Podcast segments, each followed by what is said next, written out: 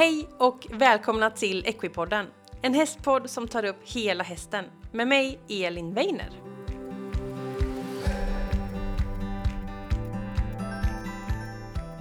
Varmt, varmt välkommen till ett nytt avsnitt av Equipodden. Jag hoppas att du mår toppen och har haft en bra vecka. Veckans gäst heter Nina Magnusson och hon driver företaget Hippofys och är hippolog i botten och hon har nördat in sig på det här med eh, puls, eh, laktat, eh, kondition. Så det här är ett sånt här lite tekniskt avsnitt på vad händer egentligen i hästens kropp när vi tränar den. Vi börjar att gå in lite i kroppens olika vävnader. Vi pratar hjärta och kärl, vi pratar lungor, muskler, senor, ligament, skelett. Ja, men sådana här basgrejer som man bör ha koll på. Vi går sen in i vad är kondition? Vi pratar om grundkondition, uppvärmning, träning, intensivt arbete och liksom ramar in så här, vad händer egentligen i kroppen med det här? Vi pratar om puls, vi pratar laktat, vi pratar pulsmätare och hur man kan använda det helt enkelt. Vi pratar lite om eh, liksom, vad händer i kroppen och hur, hur sker en utveckling hos hästen. Så helt enkelt allting man behöver veta om de här sakerna för Nina hon är så himla bra och så innischad på det här. Hon jobbar med att åka runt och göra pulsmätningar och liksom kolla hästarna. Så att ett riktigt, riktigt bra avsnitt. Så fram med papper och penna för nu kör vi igång veckans avsnitt.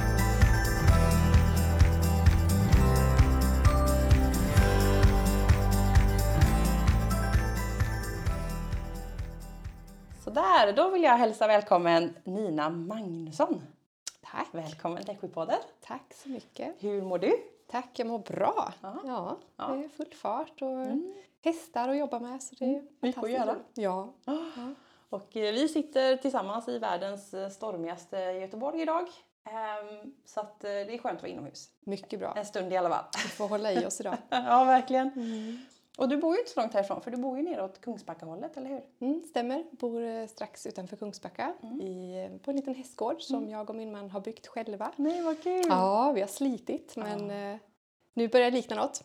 Mm. Så eh, några hästar och lite hund och barn och så. Mm. Mm. En vanlig gård helt enkelt? En vanlig liten gård, inget speciellt. Nej. Nej. Vad kul! Och, och du driver ju företaget Hippofys och vi ska ju prata om pulskondition och laktatträning idag kan mm, man säga. Mm. Skulle vi sammanfatta. Och det här är ju ett superspännande ämne. Men innan vi dyker in i det, kan inte du berätta lite om vem du är och hur du hamnade där du är idag? Mm, absolut. Eh, jag är en tjej som är uppväxt i Hälsingland, långt härifrån, mm. Eh, med föräldrar som absolut inte gillar hästar. Yes. Och som sa att det kommer ingen häst på den här gården så Nej. länge vi bor här. Nej. Men det blev ju en ponny så småningom eh, och så. Ja, började på mm. ridskola och... Men det borde, ni hade ändå en gård? Liksom. ja, alltså det blev ett stall så småningom. Ja, okay. ja, det, ja, fanns, det fanns potential. ja, jag förstår. Det var ingen liten villaträdgård, det var ändå Nej, lite precis. Plats. Ja, mm. långt ute i obygden är jag uppväxt. Mm. Så, men så blev det. Hästar fångade mig tidigt. Mm. Jag minns mycket väl när jag fick rida en häst första gången och tyckte mm. att det här är min grej. Um, så jag har nog varit ganska, ganska tidigt inne på att jag vill hålla på med hästar men inte vad jag ville göra riktigt. Men um, ja, gick hypologutbildningen eh, så snart jag kunde när jag hade jobbat lite för den här praktiken man behövde innan dess. Mm. Eh, och eh, har jobbat mest med travhästar som hästskötare på olika mm. ställen. Varit runt i Sverige och gjort lite mm. kortare praktik utomlands och jobbat lite också utomlands kort stund. Men mm. jag gillar hästvården i Sverige. Ja. Den, den ligger högt. Mm, jag förstår. Um, så häst har det varit i olika former alltid. Men jag har mm. alltid varit väldigt intresserad av att ta hand om hästarna och få dem att må bra. Och, Ja, välmåendet. Så mm. även när jag jobbade som hästskötare så var det mycket det här man ville massera och, och liksom mm. göra det dagliga pysslet lite extra med dem. Mm. Um, och sen eh, det ena efter det andra har ju lett till att jag så småningom då nu i 12 år tror jag har varit egen och drivit Hippofys. Mm. Där jag mm. började som hästmassör på, med bara det. Och sen märker man ju att ju mer man lär sig ju mindre förstår man och känner att jag måste, jag måste kunna mer. Um, så jag har fyllt på med fler verktyg i lådan och just nu går jag fortfarande i skolan. Jag är mm. i Tyskland och går uh, en utbildning till osteopat på häst. Mm. Så jag har ett år kvar. Mm. Men jag lär mig massvis, det är så roligt. Eh, och jag känner verkligen att det är, det är nyttig kunskap att få med sig nu och jag är glad att jag har erfarenheten sedan innan med, med den hästkunskap jag har fått till mig. Just det, och den erfarenheten. Ja, liksom. mycket hand på häst. Mycket, mycket hästar har känt på och följt med utvecklingen Mm. och alla problem det för med sig och funderingar man får och så. Mm. Så väldigt intressant. Eh, men sen är det ju också det vi ska prata om idag då med träningen. Mm. Ehm, och jag själv gillar ju att träna. Nu är det ju ett tag sedan när man får familj och så blir det Ja, lite åsidosatt. Men typ i, i mitt tidigare liv så har jag eh, haft en ganska okej kondition i alla fall kan man väl säga. Jag har gjort en del Vasalopp och sprungit Göteborgsvarvet och Det är mer än okej kondition skulle jag säga. Ja men, eh, ja, men det, det jag gillar det, det är kul. Och det är roligt att träna när man känner att jädrar jag orkar det här. Eh, inte bara att man ska ta sig runt Ja, liksom. det är väldigt utan, jobbigt att träna när man känner att man inte orkar i alla fall. Ja precis, så när man kommer över den tröskeln är det ju en helt annan grej att träna. Då vill man ju verkligen pressa sig lite till liksom. Precis. Ehm, Så intresse för träning finns ju på många vis men det finns också ett väldigt intresse för att träningen för hästen. Ehm, och det är en ganska rolig grej där också. Det började ju med, jag gjorde praktik i ett travstall. Det var första gången jag fick köra travhäst när jag gick i nian. Ehm, innan dess var det ju bara ridning. Ja. Ehm, men den tränaren var gammal lärare. Aha. Så första passet vi var ute och körde, jag fick ju köra intervaller första morgonen där med stallets snällaste häst. Ja. Och han pratade konstant den här tränaren Oj! om allt, som, vad som hände i hästen, vilken puls de hade, vad en intervall var och laktat och, och herregud vad han pratade. Och så sista intervallen så sitter han där och så tittar han på mig. Du, jag hoppas att du har lyssnat ordentligt nu för nu blir det prov på fredag. Åh, och jag fick ju sån panik, tänkte men gud, en liten tjej och han skrämde ju upp mig där. Men han var i alla fall den som väckte det här intresset i herregud vad saker det händer i hästen. Ehm, så väldigt, väldigt... ehm, ja, det var en bra push liksom. Mm. Att, för det var ju också bara för mig en häst innan. Mm, Eh, precis. men han öppnade liksom dörren och, och det här, gud vad det händer grejer i, Ja, i kroppen. Från att vara en klump till det blir muskler där, ett Ja, hjärta men där, precis. lunga Från där, att bara vara där. och- Mm. den här hästen som man använder till att göra något kul till att faktiskt förstå att oj, oj, oj vad det pågår grejer på insidan. Mm. Ehm, och det var väl det också som var lite tanken med hypologutbildningen, att jag ville verkligen förstå häst. Jag ville gå den utbildningen för att få lära mig mer om häst. Precis. Ehm, och det vill jag fortfarande, för man tycker att jag fattar ju ingenting. Det, det är så mycket man har att lära sig. Ja. Ehm, och de är otroligt intressanta att jobba med. Ja. Mm. Ja, det, är ju, det är ju egentligen nästan det enda djuret som är toppatleter och som vi skickar över hela världen egentligen Ja. när man tittar på galopphästar och travhästar och, och även såklart hopp och dressyr, de här topphästarna som Ja. flygs till höger och vänster och Precis. ska prestera på absoluta toppnivån. Som Det är mycket vi begär av atleter. dem. Ja. Så att, eh, och då är ju såklart muskler är en sak, jätteviktigt, men konditionen är ju också väldigt viktig. Mm. idag ska vi helt enkelt lära oss allt om eh, kroppens vävnader och vad som händer i kroppen och kondition och grejer. Så att eh, vi får se vart vi hamnar. Ja. Men vi pratade lite innan här hur vi skulle lägga upp och om man bara väldigt kort skulle ta några begrepp. Om man skulle säga konditionsträning, om man skulle säga laktat nämnde du. Mm. Om man bara skulle definiera de begreppen så vi har en liten grund. Vad skulle du, hur skulle du förklara dem då? Ja, alla känner ju till de här orden Mm. och man använder dem. Jag har så dålig kondition eller jag känner Ja. att jag har ganska bra kondition. Mm. Så alla är ju bekväma med ordet men många kan ju kanske inte riktigt beskriva vad det faktiskt är. Precis. Så kondition, det är ju kroppens förmåga att ta tillvara det syre som vi andas in. Mm. Eh, Så det syrehästen tar in i ett andetag, det följer ju med väldigt mycket syremolekyler in i inandningsluften. Men beroende på hur bra kroppen är, i hur god kondition kroppen är, så är kroppen mer eller mindre bra på att ta tillvara de syremolekylerna som Precis. kommer in i kroppen. Precis. Så ju bättre kondition, ju bättre syreupptagningsförmåga har kroppen. Det är det det handlar om. Just det, och det, det märker man elever ibland tänker så här, för man säger att ja, men, luft innehåller ungefär 21% syre, det har säkert många hört. Mm. Och då tror man att när jag andas in då så tar kroppen upp all syre. Men så är det ju inte. Mm. Så för att vi andas ut ganska mycket syre också. Mm. Och såklart, jag tror, ja det är någon procent, så jag vågar inte säga någon procent, men desto bättre kondition jag har, desto mer kan jag ta upp och desto mindre kommer då ut. Ja. Liksom. Precis. Men det är För kroppen använder då det i sitt arbete Precis. till större del. Mm. Och då blir det Det är lite grann som om man säger om man gör en brasa. Mm. Det brinner bättre ju mer syre du har tillgång till. Precis. Eh, och det blir mindre restprodukter. Mm. Det blir mindre rök. Eh, lite så kan man väl kanske jämföra det. Så mm. att ju bättre kroppen är på att ta tillvara det här syret, ju mm. bättre funktioner, ju mer energisparande och, och bättre funktioner blir det i kroppen. Då. Precis.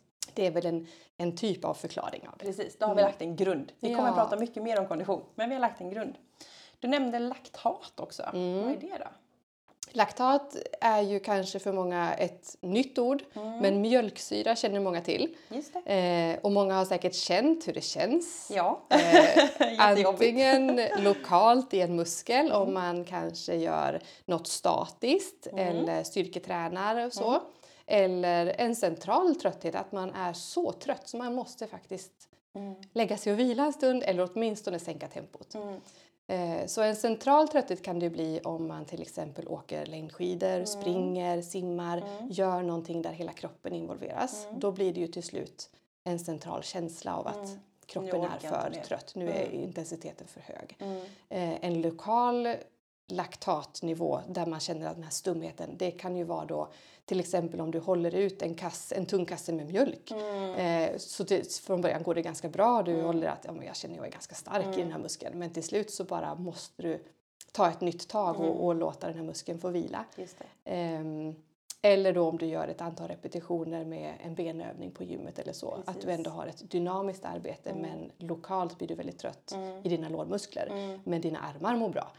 Eh, så det är skillnad. Men laktatet då är alltså det vi slarvigt säger mjölksyra till, yeah. men det är någonting annat. Laktatet är det som kommer när kroppen börjar på att få jobba för tufft mm. och när det faktiskt heller inte finns tillräcklig mängd syre. Precis. Så ökar det. Då är det, ett ämne i kroppen helt ja, enkelt som precis, ökar. Precis. Och som eh, ja, det, jag tror man kanske har känt det någon gång när man har gjort en övning och så tar det bomstopp. Exakt, det kommer väldigt snabbt. Pang och så kan jag, jag kan inte röra Nej. mig liksom. Då man måste avbryta just den övningen mm. och kanske skaka loss lite mm. grann och pausa och sen mm. får man en, en kort tids vila och så mm. kan man göra en ny repetition sen. Precis, och då är det mm. att syret tog slut. Syret tog slut, mm. laktatet ökade mm. lokalt i de musklerna. Mm. Eh, av det så blir det också fler vätejoner i de här muskelfibrerna mm. som är faktiskt den stora boven. Det är mm. det som är det illa. Laktatet är egentligen någonting bra för kroppen. Eh, men över en viss nivå blir det jobbigt. Precis. Och eh, ja, då har vi lagt liksom grunden i det. Så de här två begreppen kommer vi nog att, att leva lite med i det här avsnittet tror jag.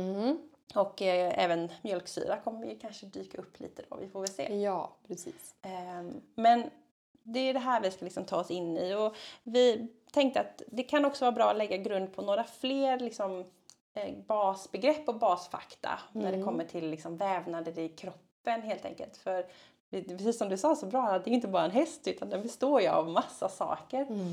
Och eh, när det kommer till kondition, vilka vävnader är viktiga att hålla koll på då? Men det är det här som är så klurigt för om vi ska prata specifik konditionsträning, mm. det vi mäter utvecklingen på är ju de vävnader som utvecklas snabbast. Det vill säga hjärtat mm. svarar ganska snabbt på träning, mm. eh, kärlen och blodet mm. eh, och muskulaturen. Det är mer eller mindre snabb vävnad som hyfsat snabbt också tar till sig den ökade belastningen vi mm. gör. Mm. Och om vi mäter flåset på en häst, mm. återhämtningen, mm. är det ett väldigt trubbigt sätt mm. att titta på utvecklingen. För mm. det är det som svarar snabbast på en ökad belastning. Um, och det luriga här är ju om vi då tittar på en ung häst som kanske aldrig har fått någon belastning innan mer än att den har gått i sin hage och fått mm. en god uppväxt ja. i sina unga unghästår. Precis. Men när vi ska börja träna den så kommer ju såklart konditionen att bli bättre och bättre. Mm. Men de långsamma vävnaderna som ligament, mm. senvävnad, mm. eh, brosk, mm. skelettet framför allt. Allt det kräver mycket, mycket längre tid för en ökad belastning. Mm. Så det som hjärtat kanske svarar på inom ett par månader, mm. det kan ta flera år för skelettet att vara redo för samma typ av belastning. Mm. Och det här blir så himla farligt. Mm. För våra hästar som vi har nu, det är ju sporthästar, mm. alla kategorier. Vi, föder, vi avlar dem för prestation i sin gren. Mm. Eh, de är otroligt tekniskt duktiga från början. Eh, och om vi bara tittar på konditionsutvecklingen så är det så lätt att det går för fort fram. Mm. Och så till slut kommer en överbelastning. Och det är ju inte främst i hjärta och muskler som vi ser de stora skadorna, om inte det är specifika trauman. Nej, precis. Det är slitage i, och överbelastningar vi ser med stressfrakturer i skelettet, mycket ligamentskador, eh, mycket senskador. Mm. Eh, Precis. för att vi kanske har gått lite för snabbt fram i den här utvecklingen. Mm. Så det är super, super viktigt att tänka på hela hästen. Mm. Att inte titta på trubbiga mätinstrument för utveckling utan tänka att även om hästen klarar det jag gör nu på ett väldigt bra sätt Mm. så kanske jag måste sätta tempot för hur snabbt vi ska gå i utvecklingen. Mm. För att alla vävnader ska få tid att tåla sin belastning. Mm. Ehm, Den är viktig att tänka på. Mm. Det är jätteviktigt och jag tror kanske inte heller man tänker alltid på det för att just skelettet är ju det som tar längst tid att klara av belastningar. Och den är svår att palpera. Ja. Den är svår att mäta hemma Ja. i stallet. Ja. Vi gör ju så gott vi kan allihopa såklart med våra hästar. Det finns ju ingen som menar att göra fel. Nej. Eh, Men just de här sakerna kanske blir synliga först när vi har gått över gränsen. Mm. När man börjar se att de blir lite benhinneömma, Mm. att det kanske kommer slitage i leder eller ännu värre att det går så långt att vi får mikrotrauman i, i skelettet. Precis. Och då får man ju röntga för att se Ja, hur det ser exakt. Och då eh, oftast har det gått ganska långt att hästen kan gå med en liten smärta innan vi ens upptäcker det. För alla hästar visar inte en tydlig hälta tidigt heller. ut. Nej, precis. Ehm, och det är ju det, är det som blir så lurigt. Mm. Eh, och jag påstår inte att vi kan undvika alla de här skadorna med att bara tänka på det här. Men vi kanske kan minska dem. Ehm, att ge hästen en, en ännu stabilare grund. Mm.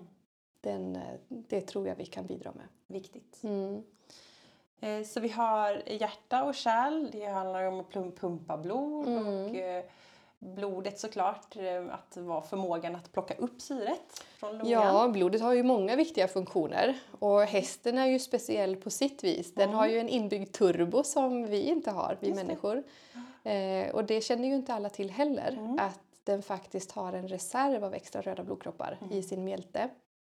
Och den kan alla hästar frigöra eh, oavsett hur vältränade de är. Det handlar om adrenalin. Okej. Så när hästen, alla har säkert haft en häst som står på stallgången Mm. som man helt plötsligt bara hör hur hjärtat dunkar. Ja. För den blir rädd för någonting. Den gör sig flyktberedd. ja. Så när den blir stressad så frigörs adrenalin i kroppen. Mm. Adrenalin är startsignalen för att mjälten ska frigöra de röda blodkropparna som finns där. Det är ju väldigt coolt för det är Mm. röda blodkroppen som plockar upp syret från lungan och tar det ut till muskeln till exempel. Eh, precis. Så att det ska kunna gå fort. Ja, och det här är ju fiffigt för hästen är ett flyktdjur. Mm. Och det är ju väldigt smart tänkt av naturen att Väldigt. en otränad häst ska också kunna hinna undan från de här lejonen som kommer och skräms. Precis. Och springa en kort sträcka. Ja. Hästen flyr ju oftast kanske 300-400 meter. Mm. Eh, och sen är den inte byggd för att fly mer. Nej. Allt annat är onaturligt. Mm. Eh, men då ska ju de här extra röda blodkropparna tillföra mer syre så att kroppen ska kunna komma iväg. Just det. Det är inte jättelångt ändå. 300-400 meter. Nej, det är inte det. Nej. Så det mesta vi gör med våra hästar är ju onaturligt. Ja. Vi hoppar lite för högt, Mm. vi springer lite för fort, Mm. vi gör kanske lite för extrema rörelser. Mm. Eh, Så alla de sportgrenar vi har valt att göra med hästarna kräver ju en väldigt, väldigt förberedelse för att kroppen ska vara beredd för Ska det. klara av det. Mm. Inte bara att göra helt enkelt. Nej, precis. Men blodet är häftigt. Det, det, det utvecklas ju också av träning. Mm. En häst som är vältränad har en större blodvolym än en otränad häst. Ganska många procent faktiskt. Mm. Mer vara blod i kroppen. Mer blod i kroppen. Ja. Så det blir mer plasma, vilket är vätskan. Mm. Det är ju bara det som blodet flyter runt i. Mm. Eh, Det blir fler röda blodkroppar. Mm. Ehm, Och vi har också den här mjältreserven som finns kvar. Mm. Så det är ju potentiellt sett någonting bra eh, så länge det är en balans i det. Mm. Sen kan man ju tänka sig vad som händer om hästen dricker dåligt, svettas för mycket, man åker på meeting och transporterar hästen och tävlar i varmt väder och blir av med mycket vätska men kanske inte vätskar upp sig i samma takt. Nej, precis. Då är den här mjältreserven inte något positivt längre. Nej, Då blir det ju kork i systemet. just det. Det blir för trångt. Mm. Det funkar alldeles utmärkt i de stora kärlen men när vi kommer in i de här små kapillärerna som är kroppens minsta blodkärl. Mm. En liten kapillär är så tjock så att en blodkropp i taget kan Ja, passera. det är väldigt, väldigt Det är litet. väldigt litet. Ja. Eh, och har du då ett blod som är för tjockt Mm. så blir det väldigt tungt för kroppen att putta runt det här blodet i de här minsta kärlen. Mm. Och då kommer det ju inte runt till de här små muskelfibrerna som precis. behöver det här blodet. Ja. Ehm, och då är det ingen tillgång längre. Nej. Så det är jätteviktigt att det ändå finns en balans i Mm. hästen med Just det. vätska det. bland annat. Och det är ofta svårt när man flyttar dem, eh, tycker jag ibland, att de kan bli lite stressade på ny plats. Så att verkligen se Mm. till att de dricker. Mm. Det är alltid lite svårt. Det är det och vissa hästar är mer känsliga än andra och många Verkligen. känner ju sin häst väldigt väl. Mm. Men att man eh, i, i prestationssammanhang måste man planera för det här. Mm. det. En dålig prestation kan mycket väl bero på att de faktiskt har vätskebrist. Och det, det har man ju hört. Mm. Att är du uttorkad så presterar du inte lika bra. Exakt. Men att förstå att det är kopplat till att det faktiskt inte kommer fram syre. Nej, den kan inte syresätta sig. Mm. Precis. Det är ju en intressant koppling Mm. att komma ihåg. Mm. Och det kan kännas jättefint i träning. Även om hästen har en Mm. viss obalans i vätskan kan det kännas okej i träning för Mm. man är inte på den absoluta Precis. nivån av intensitet. Precis. Och så kan det ge sitt resultat i den här maxprestationen som man ber om Mm. under andra former. Just det. Och då kommer det plötsligt att det blev inte så bra. Nej, den var Mm. kanske lite sämre än förväntat. Den har ju tränat så bra, vi har förberett den så bra. Och idag var bara en dålig dag. Liksom. Mm. Och så tar man lite prover och man ser ingen infektion, man ser Mm. ingenting som tyder på att det är tokigt. Ehm, och då kan man ju kanske starkt misstänka också att det kan också handla om att den kanske inte hade optimal Mm. vätskenivå i kroppen. Mm. Intressant. Mm. Värt att tänka på i alla fall. Verkligen, verkligen Ehm. värt att ha med sig. Mm. Och ehm, innan vi går vidare här så tänkte jag bara koppla ihop det här med muskler och senor, för de hänger ju ihop. De hänger ihop. Mm, kan du inte berätta om det? Ja, många har ju kanske svårt att, att komma ihåg skillnaden mellan senor och ligament och så. Eh, och då finns det ju en väldigt enkel regel att man kan tänka att en sena hör alltid ihop med en muskel. Mm. För i vardera ände av en muskel så finns en senvävnad. Det. Där det finns en ursprungssena och en fästesena Mm. som då i sin tur fäster in mot skelett Mm. och gör det möjligt för rörelse genom muskelkontraktionen. Mm. Ett ligament påminner väldigt mycket om en senvävnad i sin uppbyggnad. Mm. Det skiljer lite mellan den elastina och kollagena vävnaden. Mm. Ehm, Men ligamentet har ingen muskulatur kopplad till sig Nej. utan det är bara en stöddig vävnad. Mm. Mm. Ja, kan du ge ett exempel på vart den sitter då? Ja, men vi har till exempel gaffelbandet Mm. är ett ligament Mm. medan ytliga och djupa böjsenan är två olika senor. Och där tänker man ju att allt man palperar på nedre ben Mm. är senor. Mm. Men vi har två senor på baksidan där, två böjsenor. Och det som sitter närmast griffelben och skenben, det är ett ligament. Mm. För då har vi en muskel med. Eller nej, Nej, precis, tvärtom. tvärtom. Ja, precis. ehm, och sen har vi ju massvis med ligament som håller om varenda led Mm. för att stabilisera och hålla fast leden. Precis. Så är ju, bogleden är ju ett, ett specifikt exempel på där det inte finns ligament. Där är det bara muskulatur som stabiliserar bogled. Jag håller ihop. Mm. Ja, Men alla andra leder har ligament precis. mer eller mindre som är otroligt stark i sin stödjevävnad. Mm. Mm. Jätteviktigt. Viktigt.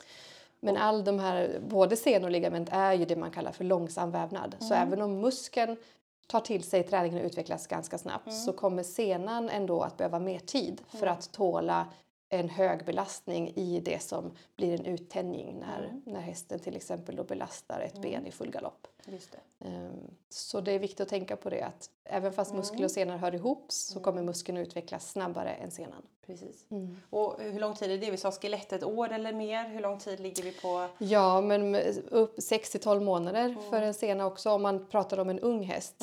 Eh, tittar man på en senskada så även där ser man ju att eh, prognosen för, för liksom att hästen kan återgå till fullt arbete är ju också 6 till 12 månader. Beroende på graden av skada. Precis. En muskelskada går mycket fortare många gånger för att du har bättre cirkulation i läkningen där med alla kärl som finns runt omkring. Ehm, Men såklart så finns det väldigt, väldigt traumatiska stora muskelskador som också kan ställa till mycket bekymmer, tar längre tid. Just det. Mm. Så det är alltid graden av skadan om man pratar läkningsprocess Precis. som styr. Och så har vi leder då och det är ju där vi kan böja saker. Kan Ja, men precis. Och i leden är det ju viktigt, den, är ju, den blir ju också bättre av att få belastning. Eh, Alla hästar mår bra av att röra sig. Så en led som får rörelse är en bättre fungerande led. Där den får då en bättre cirkulation med ledvätska som pumpas ut och in genom brosket och förser leden och benet med, med näring den vägen. Ehm, Så leder ska röra på sig. Eh, och det är alltid där lagom är bäst. Eh, Ja. Men vad är lagom? Den är ju svår. Ja. Eh, men man ser ju i studier att bara eh, kort, korta perioder med trav, 10 minuter på grusväg tre gånger i veckan har en positiv effekt på leder och skelett i sin Ja. utveckling. Eh, Så det, det handlar ju inte om några stora saker. Utan tänka bara att kroppen behöver belastning och graden av belastning ska successivt öka. Man får inte gå för fort fram. Eh, men man måste också ibland våga ta nästa steg. Det är väldigt lätt att hamna på en, en lagom nivå. För man tycker att det här räcker nog. Ja. Men eh, då får man ju tänka vad ska min häst i slutändan prestera? Vad är det jag vill att den ska klara av? Och så måste man göra en, en rimlig plan på vägen dit. Precis. Mm. Precis. Ja, spännande. Vi, vi tar ett begrepp till här innan vi går vidare. Och det, Du nämnde ju brosk också. Ja. Vart sitter det någonstans då? Eh, brosk finns ju vid alla ledytor. Eh, brosket är mjukare än skelettet.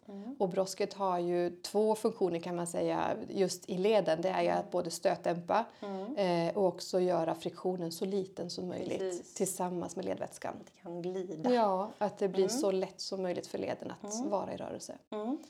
Mm. Så finns det bekymmer i brosket så blir det ofta bekymmer i leden. Det blir en osund led som kan, man kan behöva åtgärda. Har man till exempel lösa benbitar eller att Mm. brosket är eh, att det är lite fransar och att det, det finns Just det. ojämna ytor så kan man ju då veterinärt behöva göra åtgärder. Ofta med titthålskirurgi. Och om vi förstör brosket så växer inte det tillbaka? Är det så? Jo, det kan det grann, göra. ja. Eh, vid, vid rätt förutsättningar. Om man pratar om eh, artros till exempel så är ju det en obalans mellan celluppbyggnad och cellnedbrytning. Så nedbrytningen går fortare än celluppbyggnaden. Men celler nybildas ju hela tiden. Eh, Så om det inte har blivit allt för illa så kan man ju faktiskt man med rätt fixar lite. förutsättningar försöka att återställa en, en viss balans. Det kanske aldrig kan bli riktigt bra men det går att, att hålla det i en viss balans. Det är bra. Det är väldigt intressant när man pratar osteopati för där är man ju väldigt liksom inne på alla funktioner i kroppen. Ehm, Så det finns ju olika, olika skolor men att ge kroppen förutsättningar att vara hel och vara funktionell är ju det bästa för den. Ehm, Men då handlar det om väldigt komplexa balanser. Eh, Just det. Allt måste stämma. Ja. Nej, Det är mycket som händer i kroppen alltså. Det är det. Är det. Det är det. Ja, spännande. Då har vi lagt lite grund. Och då kan vi gå in lite på det här med vad är kondition och, och hur, hur bygger vi kondition helt enkelt. Och då kan man ibland säga att man har en grundkondition. Mm. Att hästen har en bra grundkondition Mm. eller dålig grundkondition. Ja. Vad, vad, vad menar man då tror du? Ja, eh, jag tror att det är, alla hästar behöver ha en god grundkondition. Mm. Eh, jag tycker inte alla hästar måste träna jättehårt. Mm. För ju hårdare man tränar ju mer sliter vi också på dem. Mm. Eh, men jag träffar ibland hästar som man ser att den här hästen skulle faktiskt behöva ha en bättre grundkondition. Ja. Att den skulle vara, må bra av att vara bättre tränad. Mm. Eh, precis som vi människor, det handlar ju om hälsa, att vara i, ett sunt eh, mående. Ja. Eh, och att vi mår bra av att ha en viss grundträning i kroppen, att vi då blir starkare. Eh, oavsett vad vi gör med våra hästar så ber vi dem om någon form av rörelse, någon Ja. form av belastning. Ja. Är det en hobbyhäst som gör relativt enkla enkelt, enkelt arbete. Mm. Så det är klart att den inte ska träna på samma nivå som en fälttävlanshäst som tävlar internationellt. Nej, precis. Eh, det, finns ingen rimlig, det finns ingen rimlighet i det. Nej, nej. Men eh, den här hobbyhästen kan ibland ha lite för dålig kondition för att den faktiskt ska må bra. Eh, den kanske inte klarar att ta sig runt en motionsrunda på 5 kilometer. Mm. Eh, och då menar jag att den har en för dålig kondition. Mm. Det bör vara rimligt mm. för alla hästar att kunna ta sig en runda i skritt, trav och galopp på 5 mm. kilometer mm. i ett rimligt tempo. Eh, det borde alla klara men yeah. alla gör inte det Nej. med lätthet alla kommer runt men ja. det kanske blir väldigt slitsamt för vissa hästar. Just det, och lite tungt. Lite tungt. ja. ehm, precis som vi människor, vi ska ju kunna klara av att, att gå och jogga mm. ett visst antal kilometer och för mm. vissa människor kan de jogga en mil med lätthet mm. och för vissa känns en kilometer som en evighet. Liksom. Ehm, mm. och det är lite där vi är med mm. våra hästar också, att det är ganska stort spann mellan vad vi mm. har för grund i dem. Eh, ju bättre kondition en häst har, ju bättre teknik får den. Mm. Eh, den snubblar kanske inte lika lätt, den mm. tappar inte tekniken sista delen över hindren. Mm. Så även om man tävlar lätta klasser så är det viktigt att ha någon form av grundkondition i hästen. Eh, och såklart eh, graden av ökad intensitet så ställer man ju också högre grad på en förbättrad grundkondition. Men så länge man är i det som man tänker då, den här grunden, mm. så handlar det ändå om ganska låg intensitetsnivå i kroppen. Mm. Intensitet är ju graden av belastning. Hur jobbigt känns det här? Mm. mm. kan man säga.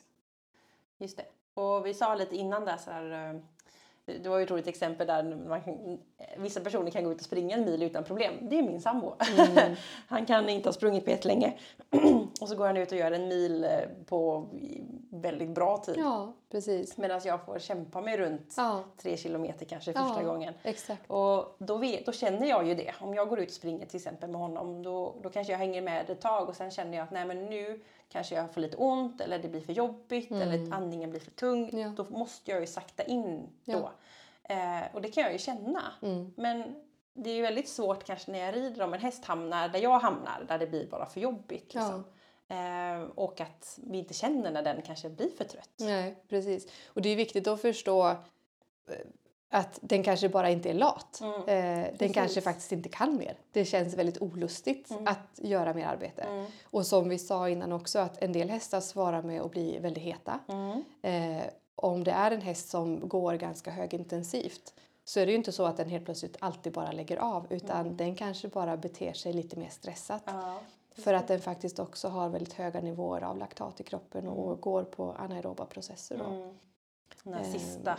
Sista panik... Eh, ja, det är ett sätt liksom för vägen. vissa hästar att reagera. Ja. Eh, och som vi pratade om innan med adrenalinet, alltid när vi jobbar hästar mm. så frisätts också adrenalin. Det är Precis. också en stress för kroppen mm. att vara i belastning. Mm. Eh, så adrenalinet gör ju också att de kan bli lite ystra ibland. Det är ju väldigt skillnad på olika typer av hästar um, och hur de reagerar. Mm. Men många gånger om man tittar på till exempel en, eh, en sporthäst, eh, ja men travgalopp, mm. direkt efter ett lopp. Mm. De kan ju inte stå stilla. Nej, eh, för det är för mycket som händer i ja. kroppen och de har så mycket adrenalin ute ja. i kroppen så de måste ju få tid på att, att varva ner. Mm. Liksom. Jätteviktigt. Um, så det är ju mycket som sker. Mm. Um, men det här adrenalinet kan ju ställa till det mm. för att det, det ger dem ju funktioner av att vilja mm. Sticka iväg ja. även fast de är trötta. Precis. Så det ställer ju väldigt stort krav och ansvar på oss som hanterar hästarna att bedöma vad är nyttigt för den att klara av ja. innan man går på för tuffa processer. Exakt. Mm. Och alla har nog åkt en berg och dalbana som kanske var lite för läskig. Mm. Då får man adrenalin. Mm. Och när man kliver av då, är det också, då kan man inte heller stå still, eller hur? Man blir helt så skakig och bara Precis. Är det lite samma då när hästen kanske presterat på högst att de får den här lite Ja men de är ju, adrenalinet är ju ute i kroppen mm. och det måste, de måste få tid på sig att både återhämta sig från prestationen, förbränna mm. laktatet mm. men också komma tillbaka i mm. lugnare nivå av adrenalin. Mm. För det är ju kroppens svar på, på det vi ber den att göra. Precis. Mm. och eh, hur kan vi då träna upp en kondition? Och vi kanske ska börja med liksom, om jag känner att min häst kanske har lite dålig kondition. Ja. Eh, kanske blir lite trött, eh, saktar av, kanske snubblar. mm. eh, flåsar mm. eh, eller blir stressad, het. Mm. Eh, har vi några andra tecken som kan visa att den kanske har lite dålig kondition? Nej, men just det här också att den har dålig återhämtning, mm. att det tar tid på hästen att återhämta sig efter ett relativt lätt arbete.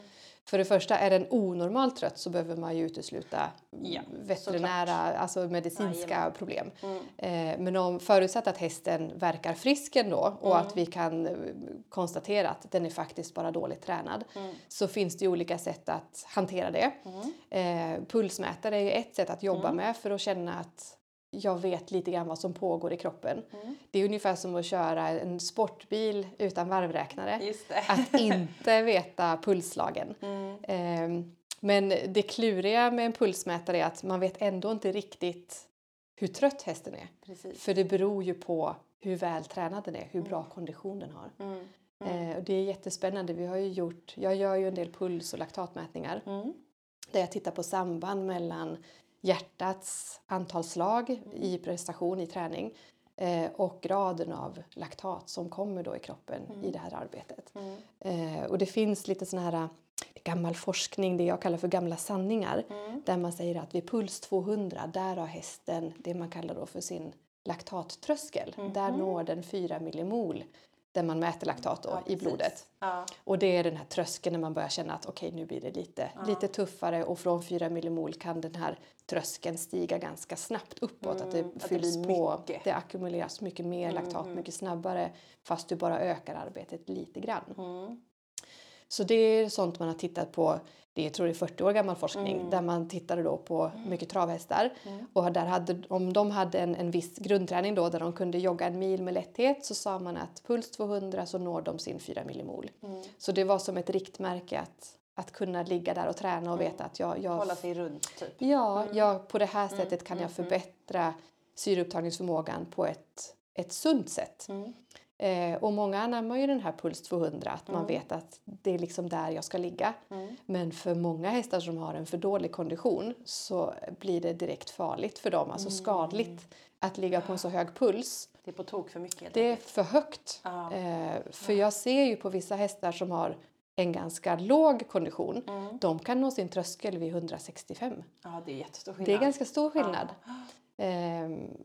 Där man kanske då borde ligga och träna runt 160-170 puls. Mm. Och så när man känner att hästen blir starkare av det, ja men då kan man komma upp mot 180. Mm. Eh, och så sakta, sakta upp där. För det handlar om just det vi pratade om från början, att hästen måste få en bättre grundkondition, mm. få en bättre syreupptagningsförmåga. Mm. Och om den är så dålig och så låg mm. från början så mm. chockar man ju kroppen. Den går ju på anaeroba processer mm. direkt då. Och då blir det skadligt. Mm. Om vi går med, med, för höga laktatnivåer i hög belastning mm. är ju risken för feltramp och vrickningar och överbelastningar yeah. mycket, mycket större. Yeah. Så jag tycker att det blir farligt att liksom, det är ingen generell rekommendation. Ska mm. du konditionsträna ska du ligga på puls 200. Det blir farligt. Nej. ehm, men däremot hästar som är väldigt, väldigt god kondition, mm. de kanske måste ligga på 210, 215, till och med 220 i puls mm. för att komma till samma belastningsintensitet i kroppen. Mm. Så det är en väldigt, väldigt stor variation. Mm. Men pulsmätaren är ju bra för den visar ju ändå vad som pågår, hur mm. högt hästen kommer, hur snabbt den återhämtar sig. Mm. Eh, sjunker den väldigt snabbt i puls när du sänker tempot så är det en mm. väldigt god indikation på att kroppen gjorde det här jobbet ganska lätt.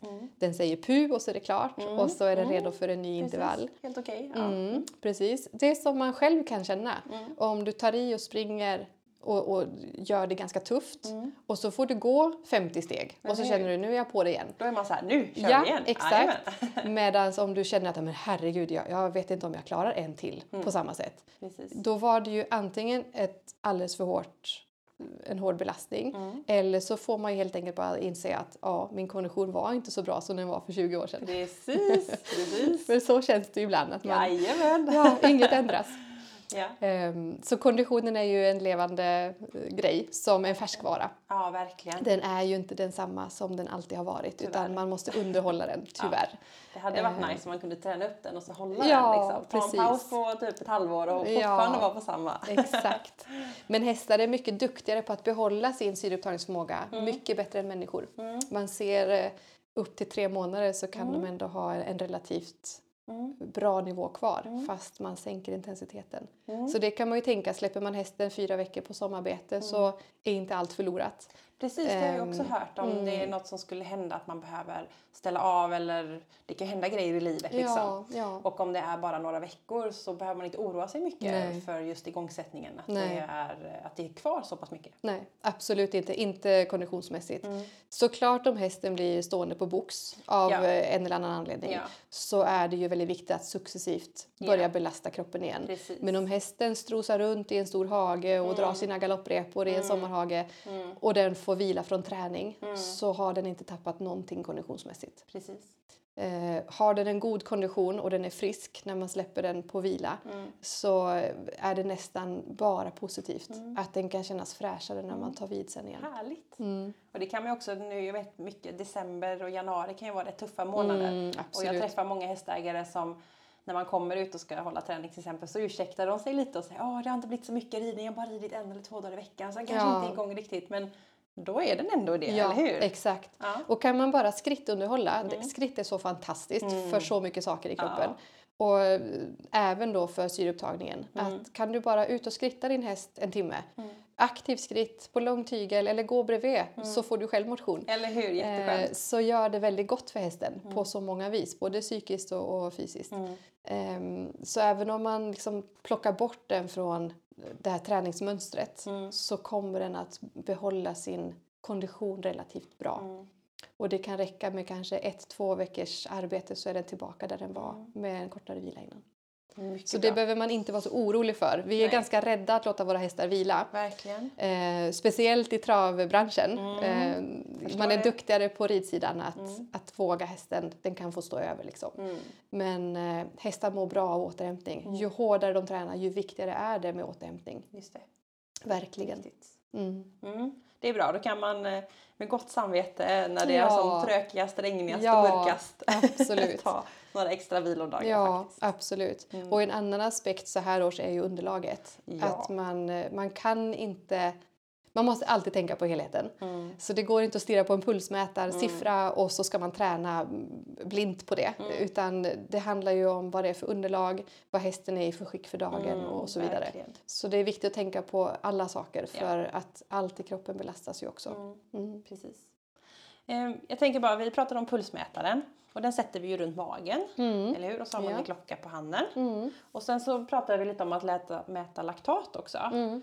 Och att de kan liksom hänga ihop då ja. Eh, med eh, vilken puls man har och den här tröskeln då för mm. när det plötsligt blir väldigt mycket eh, laktat då som, typ, som mjölksyra då. Mm. Eh, hur mäter man laktat? Det kanske man inte vet? Nej, det är ju inte jättevanligt att man gör det. Mm. Eh, jag gör det heller inte på varje typ av häst utan det är oftast eh, kanske en, en travtränare som mm. vill veta hur, hur tränar mm. mina hästar? Precis. Ligger vi rätt? Ehm, och då gör vi mätningar när hästen är i arbete. Mm. Och då tar man ju den här pulsmätaren som du sa och mm. har på hästen under hela arbetet. Mm. och så vid specifika tillfällen då där vi känner att här vill vi veta vad som pågår mm. så tar man ett blodprov mm. från eh, halsvenen, mm. eh, tar ut blod och analyserar det direkt mm. i en laktatmätare. Det. Så det är inget man måste skicka in, det krävs inget labb. Mm. Men man måste ju ha en klar tanke om vad är det jag vill mäta. Just det. Ehm, så jag har ju en laktatmätare och vi gör det här vid olika tillfällen. Mm. Ehm, jätteintressant på unga hästar som är mm. i uppträning mm. där de tränas relativt hårt för det är mm. lätt att träna unga hästar för hårt mm, och det vill man inte för det ska vara kul att gå till jobbet. Ehm, de ska vilja träna nästa gång också mm. och vi är rädda om dem att de inte ska överbelastas allt för mycket. Verkligen. Eh, så det, jag gör det ju mest på, på högpresterande sporthästar. Mm. Vi har gjort det i undervisningssyfte ibland med lite gymnasiegrupper och så ja, för att jättebra. de ska förstå mm. vad som händer med sin häst. Mm. Eh, och man kan göra olika typer av mätningar då. Det som jag gör mest är ju att mäta det som sker vid den träning mm. den specifika tränaren utför med mm. hästen. Sen kan man mäta det man kallar för standardiserade mätningar mm. där man vill just hitta den här tröskeln på 4 millimol. Mm. Vilken puls i det här arbetet, mm. vid vilken puls, vid vilken intensitet når den här individen 4 millimol. Just det. Så att man med det vet det här är utgångsläget idag och att man från det kan lägga en plan om hur man ska Precis. utveckla hästen. Och det är ju klart att då är vi på väldigt detaljnivå ja. när det kommer till utveckling och prestation. Ja, precis. Men om man idag använder en pulsmätare och mm. man ligger på en hög nivå mm. så är det faktiskt att rekommendera att göra en koppling mot mm. laktatvärdena i högintensivt arbete. Mm. För då blir pulssiffrorna ännu mer värd. Mm. Då vet du exakt. Då förstår man bättre. Då får du en, en mycket tajtare ram mm. eh, över vad betyder puls 210 mm. eller puls 185. Eh, vad är det för min individ? Och Precis. finns det också förutsättningar att faktiskt öka på, höja den här tröskeln? Just det. Hästen kan ju utveckla sin syreupptagningsförmåga till en viss gräns men den kan ju inte bli bättre i oändlighet. Nej, eller hur? Så är det um, alltid. Precis, så då är frågan har vi ett, ett potentiellt spann här där vi faktiskt kan öka hästens kondition, mm. hästens förmåga att jobba med aeroba processer. Mm.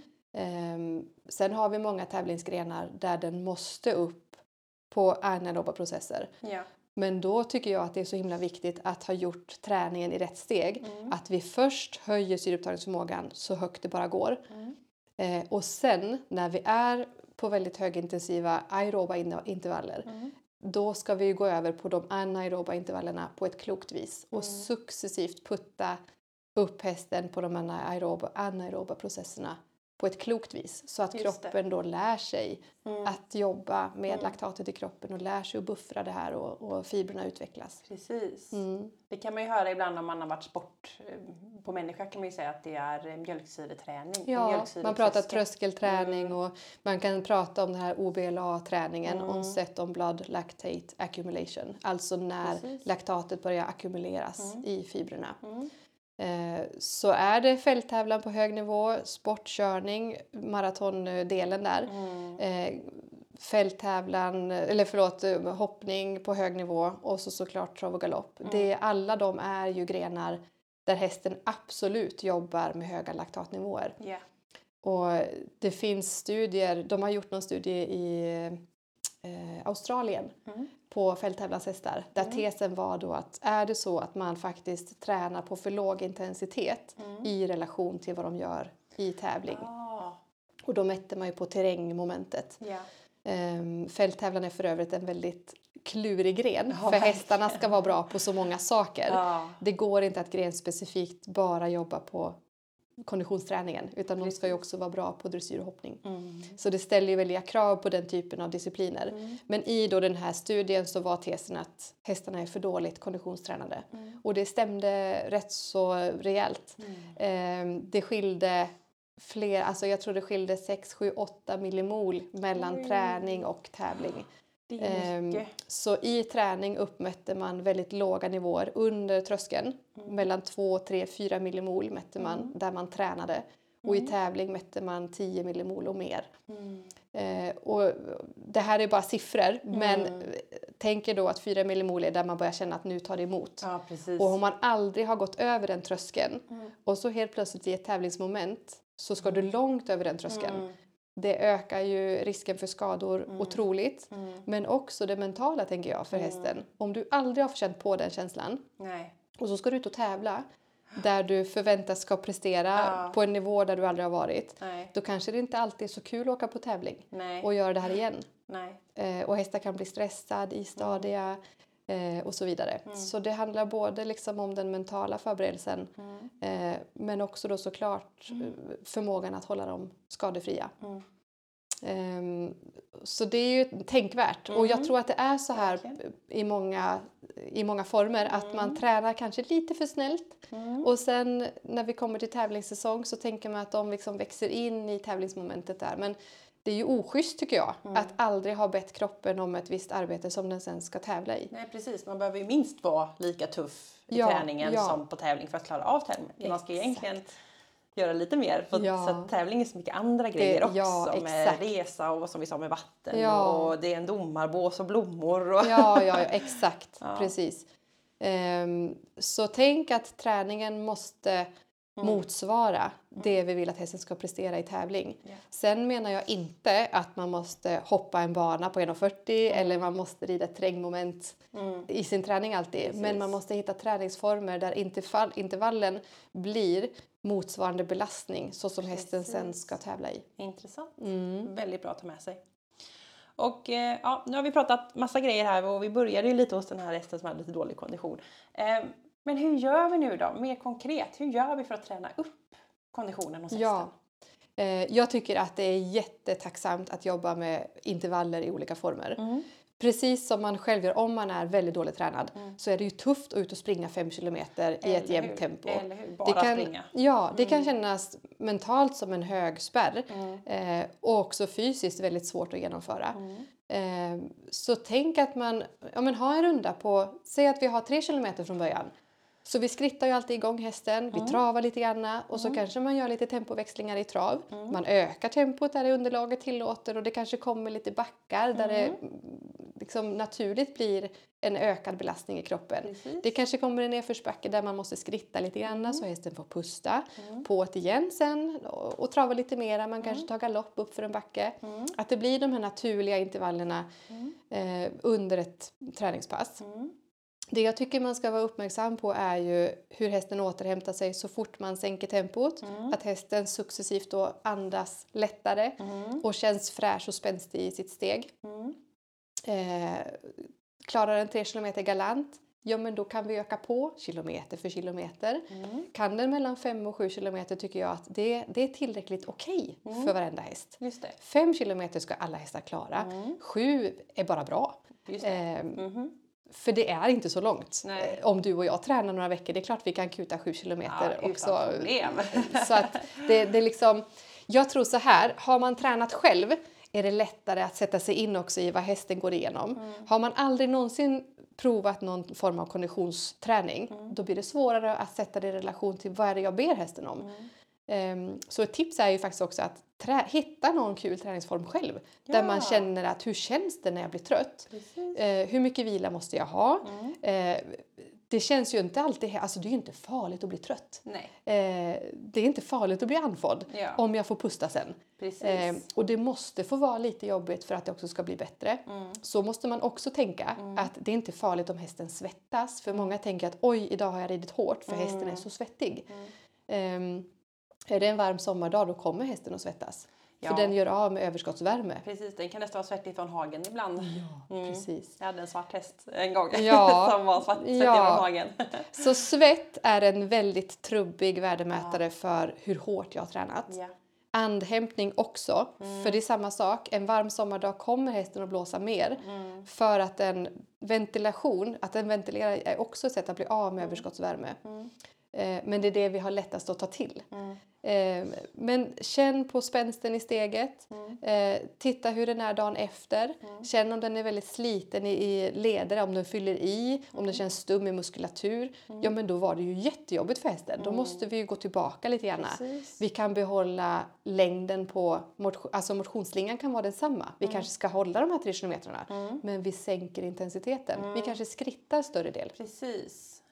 Lite kortare eh, trav, ja, någon färre galopp. Precis. Mm. Så mer skrittinslag, mm. kortare former av trav och galopp, mm. eh, mer återhämtning däremellan. Mm. Så tänk alltid intervaller i olika, i mm. olika steg eh, istället för ett jämnt tempo runt om. Mm. Det blir mer slitsamt. Eh, och då kommer man också märka om hästen bjuder den fram och är på eller bryter den av och känns som en liksom, disktrasa ah, när den får skritta. Ja. Ehm, så lite grann den allmänna uppfattningen om hästen. Mm. Och så om man då gör det här regelbundet, konditionsträning kan man utöva varannan dag. Mm. Jag tycker inte man ska träna fem dagar i rad med samma sak utan mm. måste tänka mm. att hästen får variation i sin belastning. Mm. Så då kan man ju kanske tömköra dagen efter, Precis. göra någonting mer lågintensivt tekniskt. Mm. Eh, ta en skrittpromenad bara för hand. Mm. Eh, eller annat som, som är lämpligt för hästen. Mm. Men tänk lite grann, två, tre konditionspass i veckan kan mm. vara lämpligt att lägga in. Eh, så att hästen får chans att återhämta sig och är liksom fräsch för att göra det igen en ny gång. Eh, och så ska man inte trappa upp varenda vecka tycker jag. Kanske varannan vecka. Eh, och att man känner att det blir lättare och lättare för hästen att genomföra det här. Där man då antingen kan höja intensiteten, alltså höja farten och belastningen under det här mm. passet mm. eller förlänga sträckan. Just det. Inte både och samtidigt. Nej. Eh, för då blir det kanske ett för stort skutt yeah. i den totala belastningen på kroppen. Precis. Mm. Precis. Så att om jag har fem kilometer och så säger jag att jag eh, travar 20 minuter av dem då mm. och så gör jag 6 kilometer då ska fortfarande hålla typ 20 minuter trav. Ja men det kan vara bra mm. och att man liksom lägger in samma mängd, alltså det kanske blir fler intervaller. Precis. Att du får flera intervaller på en längre sträcka mm. men du travar inte eh, inte, med, inte fortare tempo. Precis. Du ökar inte tempot och Okay, längden på ja, passet samtidigt. Mm, så antingen eller kan mm. vara bra. Och det beror ju kanske på vilka förutsättningar man har. Vad har jag för områden att röra mig på? Mm. Vad har jag för typ av häst? Det det. Vad är det jag vill träna på? Mm. Vad ska hästen bli bra på? Mm. Är det en häst som kanske inte ska tävla i så långa distanser så kanske det är mer viktigt att komma upp i intensitet. Mm. Då kanske det räcker med 5 kilometer och så mm. jobbar man på intensiteten under den tiden. Um, Medan om det handlar om längre grenar där man måste prestera mer, ja men då kanske man måste komma upp i en längre sträcka först mm. i ett relativt gott grundtempo mm. och sen ifrån det öka intensiteten. Mm. Um, så upp till en mil ska ju många hästar kunna göra om de tävlar lite tuffare nivåer. Just det. Mm. Just det. Och om jag nu känner då att jag har en häst med lite dålig kondition och så gör jag det här i några veckor hur snabbt tror du att man får resultat ungefär? Du det är jättesvårt ett, att ja, säga. det beror ju såklart på hästen men mm. på sex veckor kommer du att se ganska stor skillnad. Kul. Um, det är ändå ganska snabbt. Det är ganska snabbt. Mm. Um, och det är också viktigt att tänka att du måste ha en progression mm. i belastningen. Mm. Så du kan inte liksom stanna på samma intensitet i tre månader Nej, och förvänta precis. dig en oändlig bli... förbättring. Yeah. Utan du måste också upp på mm. trappan och öka belastningen. Precis. Men mycket viktigt att tänka på att man också kanske vågar backa någon vecka ibland mm. så att kroppen får tid att och återhämta sig. Mm. det kan man känna själv, alla som någon gång har tränat mycket mm. själv mm. så kan man känna sig matt bara man sätter sig på cykeln. Att det, liksom, det blir som sirap i, ja, i benen. Precis. Och då är det man, jag som har tränat ja, bra. Exakt. Men då, den första tanken man ska ha då är okej, okay, har jag ätit och druckit ordentligt? Mm. Har jag sovit bra? Mm. Har jag gjort det mm. så är det dags att vila. Mm. Då för då har kroppen fått mm. arbeta för hårt. Mm.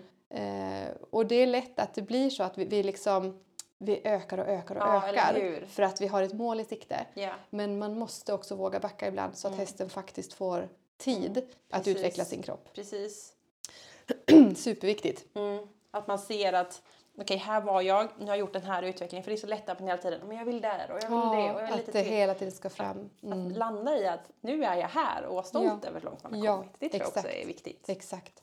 Och det är framförallt om man har kommit på lite högre nivåer. Mm. Eh, för generellt när man har en väldigt dålig kondition och man bara förbättrar lite grann så är det ju bara positivt att kliva upp några trappsteg. Ja. Men när man har jobbat högintensivt och kanske samtidigt också jobbar med lokala muskler mm. med kanske mycket teknikträning mm. så kan belastningen på kroppen vara rätt tuff. Mm. Och då kan det vara jätteviktigt att faktiskt ge 7-10 dagar där man kanske bara skrittränar. Ja.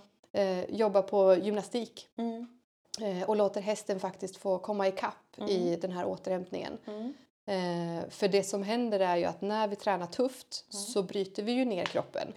Eh, och det är näringen och vilan som gör att kroppen förbereder sig på att bli starkare. Precis. Eh, så den balansen är otroligt viktig. Ju hårdare vi tränar, ju mer måste vi fodra och ju mer måste vi vila Verkligen. mellan de hårda passen. Jätteviktigt. Det är en bra grundregel. Ja, kul! Och jag tänker bara innan vi går vidare härifrån, eh, vi måste ju värma upp också. Uppvärmning känns ju ja. väldigt viktigt här. Ja. Kan du inte berätta lite om det? Ja, eh, uppvärmning tror jag de flesta faktiskt är ganska duktiga på att göra. Mm. För det är så inarbetat ja. eh, i nästan alla discipliner tycker jag. Mm. Att man skrittar fram och man joggar lite lätt och mm. successivt ökar belastningen. Mm. Eh, det jag kan se ibland är att uppvärmningen blir väl snäll mm. i relation till den högintensiva delen mm, av passet. Mm. Så det man ska tänka på är att absolut börja lätt, mm. gärna skritta fram, hästen får mycket rörelse i kroppen mm. och man jobbar ganska kravlöst i början. Mm. Hästen måste få igång cirkulationen och andningen och så. Mm. Eh, men att man också då sen börjar närma sig det man sen ska göra resten av passet. Att man kommer upp nära den nivån Eh, och en uppvärmning får gärna ta allt mellan 10 och 20 minuter beroende mm. på vad man sen ska göra. Mm. Det är viktigt att tänka att uppvärmning inte ska vara jobbigare än resten av passet. Nej, eh, utan den, det finns en plan för hela träningspasset och att man har byggt en, en stegrande kurva. Eh, men det som händer vid uppvärmningen är ju faktiskt att kroppen blir varmare. Mm. Temperaturen stiger i kroppen. Mm. För när musklerna arbetar så genererar de värme. Det blir en restprodukt av, av muskel, eh, energiomvandlingen i kroppen. Eh, så det är ingen konstig grej att man egentligen pratar om uppvärmning utan det, det är faktiskt det som händer. Ja. och när kroppen blir varmare så funkar eh, nervsignalerna mycket bättre. Så förutsättningarna för kroppens finmotoriska rörelser mm. blir bättre. Det är mindre risk för hästen att den snubblar och, mm. och trampar snett, mm. att den översträcker sig och Precis, så vidare. Med kontroll. Ja, med mm. bättre koordination, bättre mm. proprioception som man pratar om. Mm. Precis. Förmågan att veta var man har sina kroppsdelar. Eller hur, koll på sig själv. precis, precis. Ja. Eh, så det är en viktig del av uppvärmningen. Ehm, men också som sagt, det jag kanske önskar ibland är att man vågar trycka till i slutet av uppvärmningen. Våga faktiskt öppna upp hästarna ordentligt i mm. hjärta och lungor. Liksom, mm. Att de får börja ventilera ordentligt. Just. Ta en friskare galopp, kanske mm. göra, liksom, länga på steget ordentligt. Mm. Inte rida dem trötta eller köra dem trötta. Men verkligen komma upp i flås. Ja, precis. Ja, ja. Um, och sen givetvis tycker jag det är bra om man då har haft en, en relativt högintensiv uppvärmning i slutet av den, mm. att den faktiskt får en kortare paus. Skritta mm. lite grann på långtygel, mm. återhämta sig kort så att den också mentalt känner att okej, okay, nu är vi klara med det här kapitlet, yeah. sen kommer nästa del. Yeah. Eh, så att den får vara fräsch för mm. det som kommer. Viktigt. Ja. Jag kan dra en, en så här halvintressant eh, parallell till ja. det här. Ja. Eh, om man då är intresserad av träning och har provat själv att mm. träna Mm. Så alla har ju det här lilla hornet som växer. att man åtminstone vill mäta sig mot sig själv. Eh, och när jag springer så springer jag med pulsmätare för jag tycker att det är väldigt intressant. Mm. Och då känner jag ju, jag tittar ju på siffran vad det står men jag mm. känner ju också vad som händer i kroppen. Mm. Och när man har en, en rätt okej okay grundkondition då, att man känner att jag, idag kan jag trycka på lite grann. Mm. Så är man ju ute efter att liksom förbättra tiden på den här sträckan som mm. man springer. Precis. Eh, och min man är ju alltid snabbare så då vill man ju vara lite bättre. ja, så då har jag ju provat då att liksom ha ett relativt högt tempo från början. Mm. Det går inte. Nej, man tar slut Det går fort. inte. Jag måste ha 1600 meter mm. eh, till uppvärmning. Aha. Det är det som krävs för min kropp. Det är du liksom? Det är jag. Jag har testat. Så om jag springer 9-10 kilometer mm. och så vill jag ha en jättebra tid så jag kutar så fort jag kan. Eller så mycket hur? jag känner att det här är ändå det, det är doable. Ja. Det här går. Ja. Eh, så är benen som sirap. Jag får ja. aldrig något tryck i benen under det här passet. Jag kan ligga på en, en hög arbetspuls mm. och känna att jädrar vad jobbigt det är. Mm. Att jag, liksom, jag får slita mm. Eh, mm. och känna att jag, jag hinner aldrig återhämta mig tillräckligt mycket så att jag känner att jag kan trycka till. Liksom. eh, Medan om jag värmer upp Mm. och låter kroppen få komma igång, mm. ligga på en ganska förhållandevis låg intensitet mm. första kilometern mm. och lite sådär bara rulla på. Mm. Eh, så en och en halv kilometer ungefär. Mm. Eh, sen kan jag öka farten yeah. och då kan jag ligga på en högre puls ja, eh, liksom. och känna att jag är stark. Ja jag har tryck i benen, mm. jag kan jobba på och jag kan bara sänka lite grann i intensitet och känna att jag återhämtar mig nu. Mm. Där jag i det här passet när jag sprang fort från början mm. och ligger på en, en låg puls, där känner jag jag hinner aldrig återhämta mig för kroppen är redan liksom, den ligger back på yeah. syre. Yeah. Så det blir bara fel. Ah. Viktigt. Och då får jag en bättre sluttid ja. när jag springer långsammare från början. Ja. Så totalt på sträckan springer jag fortare ja. än om jag springer för fort från början. Precis. Så det är också ganska intressant mm. att just den här stegringen, att börja lugnt, successivt, mm. öppna upp kroppen och få en riktigt god cirkulation. Mm. Då är kroppen ganska duktig på att ta ut sig. Um, och där måste man ju lära sig själv eller ja, då är sin häst. Exakt, liksom. exakt. Och det är intressant att träna själv, mm. att känna vad som pågår. Verkligen. Vad som skiljer en bra dag från en dålig dag. Verkligen. För jag kan ligga på, jag kan ha samma puls mm. men jag kan ha helt olika känslor mm. olika dagar. Mm. Och jag kan ibland säga, jag springer också, jag är en sommarlöpare, vår, sommar och ja. lite höst, inte ofta vinter. Eh, men jag har också sån eh, puls. Eh, och då kan man så här mentalt så här, det har varit en tung dag, jobbig mm. dag och jag bara det är så jobbigt, det är så jobbigt, det är så, alltså jag klarar inte det här, jag klarar inte det här och så tittar man på pulsen och bara oj då. Det låg ju riktigt på. lågt. Ja, ja, nu, nu är det bara att bita ihop. Ja, det kan också vara liksom en hjälp Det är en eh, träningssparringspartner. Ja, eh, pulsen är det som, okej, okay, du vet ja. att här klarar du av att ligga. Ja, här, det känns som att jag ligger på maxpuls ja, och så bara, oj då, nej. Kom igen nu. Ja. Nej, så är det. Absolut. Och den är ju en sparring till att liksom också yes. trycka till lite till. Eller och där man ser också, bara du kan sänka 5-10 slag så får mm. du relativt god återhämtning. Mm. Um, det är också rätt intressant att känna vad, vad lite som krävs Precis. när du är så nära den här gränsen, ja. vad man pallar och inte. Liksom. Eller hur? Man känner mm. att nu dör jag snart och sen så bara lite. Ja. Och hur fort det går. Ja, Precis. Men då kommer man in lite på det här, vi sa ju det här, pulsklockan är ju superbra. Behöver man ha en pulsklocka eller pulsmätare på häst? Nej, inte alltid. Nej. Jag tycker inte det. Eh, är man prylgalen ska man absolut ha den för den är väldigt rolig. Yeah. Eh, men om man har en hobbyhäst och man tränar på en, en sund nivå, mm. då går det alldeles utmärkt ändå. Men mm. jag tycker att om man tävlar med sin häst på en hög nivå där konditionen är en viktig del för den totala prestationen mm. så är det ett otroligt bra verktyg för att veta hur du ska lägga upp ditt år. Yeah. Och veta om hästen är frisk bara. Just det. Att bara lägga på pulsmätaren under tiden du gör vid hästen mm. inför träning mm. så kan du se om den är sjuk eller inte. Mm. Eh, genom att hålla koll på vilopulsen. Just det. Eh, så det finns många sätt att använda den på och ha liksom en det blir ett verktyg att veta att du kan känna dig trygg i vad du gör med hästen. Mm. Att träna en sjuk häst på hög nivå mm. är farligt. Verkligen. Um, ser du på vilopuls, ser du på återhämtning och själva arbetspulsen att allt är normalt, mm. då kan du känna dig ganska trygg att okej, okay, idag var hästen bara lite lat. Precis, idag kan vi. Tränar man själv som man ofta gör om man inte har någon större verksamhet mm. så kan ju hästarna ibland vara lite mer bekväm själva och så yeah. blir de piggare med sällskap. Yeah. och då är pulsmätaren också ett bra verktyg att veta att okej, okay, nu kan du be hästen om lite till. Mm. Eh. Så så fort man kommer runt den här tröskeln, mm. de här fyra millimolen mm. där man måste jobba hästen relativt högintensivt, då kan jag tycka att det faktiskt är ett klokt arbetsverktyg att ha.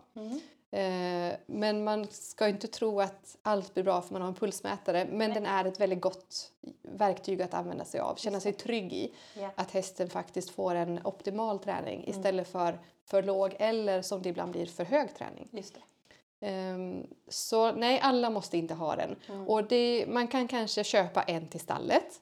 Att man kan samsas om den. Mm uh, man kan låna. Jag lånar jättegärna ut så att man kan mm. göra liksom ett pass där man kan se var ligger min häst i kondition och man kan mm. göra sånt prov. Mm. Så kan man ju utifrån det liksom lägga upp en plan och så mm. tränar man en period och så känner man ja men nu har det faktiskt hänt grejer så man Just känner lite mer trygghet i vilken intensitet Eller hur? och veta att man går åt rätt håll. Ja, precis. Så man måste inte ha mycket saker. Mm. Eh, men det, i vissa fall är det faktiskt en väldigt bra hjälp. Mm. Mm. Och det här med laktat, det mäter man inte själv utan då tar Nej, man men Jag tycker inte att det finns ingen anledning att sticka i hästarna Nej. i tid och otid utan mm. det är ju också ett sätt, är man elitutövare, mm. eh, man tävlar på hög nivå mm. eh, om man har sin pulsmätare, då tycker jag att det är väldigt, väldigt värdefullt. Mm att veta var ska jag ligga med min häst i träning. Ja. Så distansryttare måste veta att de jobbar aerobt mm. men att de ligger på rätt sida om, om den här tröskeln. Precis. Um, Nära men inte över. Exakt. Mm. Um, där kan det vara jättefint att veta var har min häst sin tröskel. Mm. Um, trav och galopp, fälttävlan. Jätteviktigt att veta hur jag ska träna upp min häst för att tåla det här anaeroba arbetet. Um, så där kan man göra arbetsprover. Um, och ha en avstämning. Men eh, nej, man måste inte ha sin egen laktatmätare nej. tycker jag. Och inte på hobbynivå? Liksom. Absolut inte. Nej, det, vi ska inte göra mer stick än nödvändigt på de här hästarna. Precis. Nej. Och hur är det då med nedvarvning efter att vi har tränat? Ja, den är ju precis lika viktig som uppvärmningen. Mm. Man brukar ju ibland säga att nedvarvningen är ju första delen av nästa träningspass. Mm. Eh, så ju mer noggrann man är med nedvärmningen desto bättre förutsättningar har hästen att vara frisk och fräsch i sin kropp. Mm. Eh, väldigt många är duktiga att skritta av sina hästar, mm. det är inget snack om saken. Mm. Men det man ska känna till och tänka på är att ju mer högintensivt passet har varit, antingen då i tävling eller i högintensiv träning, mm. när hästen har mycket laktat i kroppen mm. så är faktiskt det bästa sättet att eh, varva ner dem det är att ligga på en puls runt 140-150 mm. eh, så att hästen effektivt förbränner det här laktatet de har Just i kroppen. Det, att det liksom får komma igång systemet ja, igen. Att du har en god syresättning till kroppen, mm. många muskelfibrer som jobbar aktivt mm. utan att du är nära den här nivån där mm. du jobbar på anaeroba processer. Mm. Så med god syresättning fortsätta varva ner hästen mm. en till två kilometer om det har varit ett tufft pass. Mm. Så tänk en nedvarvning på ungefär 10 minuter. Um, givetvis måste hästen få pusta innan den gör det här om ja, den har gjort precis. något väldigt tufft. Ja. Men att bara skritta av hästen efter ett hårt pass är egentligen ganska oschysst för den. Mm. För det tar längre tid att förbränna laktatet. Mm. Uh, I forskning ser man att att stå still är mm. det absolut värsta. Ja. Då kommer det mer laktat om du ligger på väldigt höga nivåer. Då produceras mer i efterhand. Det har jag uh, testat. Ja, När det är jobbigt. Sprungit, det är jättejobbigt. Och så blir det jättejobbigt så stannar mm. man och så ska mm. man börja gå sen så bara Ja, det är hemskt. Då är man superstel. Exakt. Eh, att skritta är bättre än att stå still. Yeah. Men trav och galopp i, i vad man ska, ja men puls 140-150 ja. det är ett ganska moderat tempo. Ja. Um, så lättkanter eller trav beroende på vad det är för typ av häst. Yeah. Absolut bästa, en mm. till två kilometer och sen skritta av den sista biten.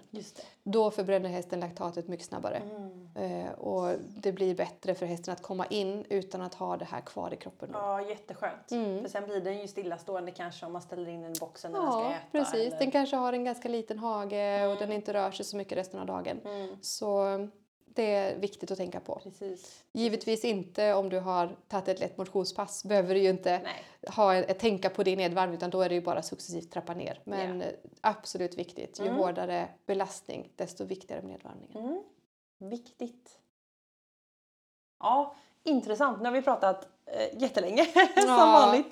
Tiden går iväg. Ja. Eh, så himla roligt och bra avsnitt Nina. Det här tyckte jag var superintressant. Och om man nu tycker att det här var kul och intressant och kanske vill höra mer eller få kontakt med dig för du åker ju ut och gör sådana här mätningar och mm. analyser, eller hur? Mm. Hur gör man då för att Man är jättevälkommen att höra av sig på Instagram mm. eller Facebook såklart. Vad heter du där? Eh, där heter jag Hippofys.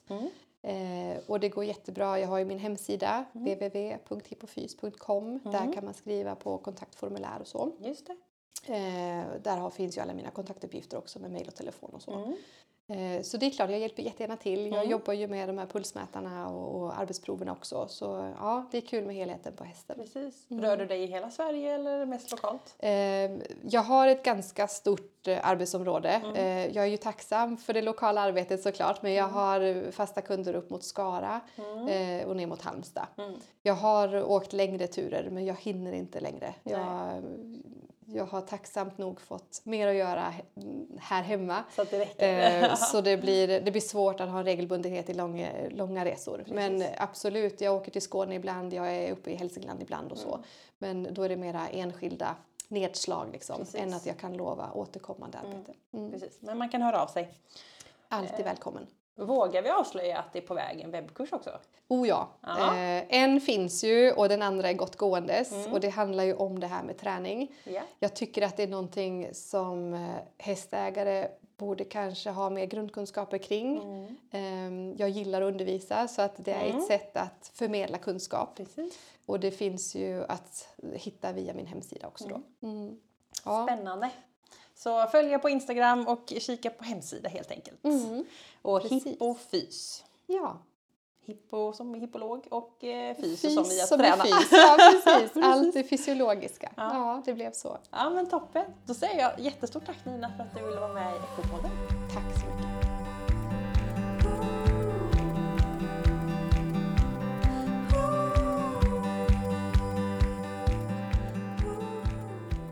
Ett eh, så härligt och bra avsnitt. Tack så jättemycket Nina för att du ville vara med i Equipodden. Och eh, tack till dig som nu har lyssnat på ytterligare ett avsnitt av alla som är gjorda. Det har blivit ganska många nu. Och eh, där du har lyssnat så får du jättegärna lämna en recension. Man kan klicka i sådär fem stjärnor och man kan ibland skriva en kommentar beroende på vart man lyssnar någonstans. Så att fler kan hitta till podden helt enkelt. Och eh, gå också in och kika på poddens sociala medier. Den finns på Instagram och Facebook. Eh, för att ja, hänga med på allt som händer helt enkelt. Så kolla gärna där. Och eh, ja, så länge så får jag önska dig en fantastisk vecka så hörs vi snart igen. Hej då!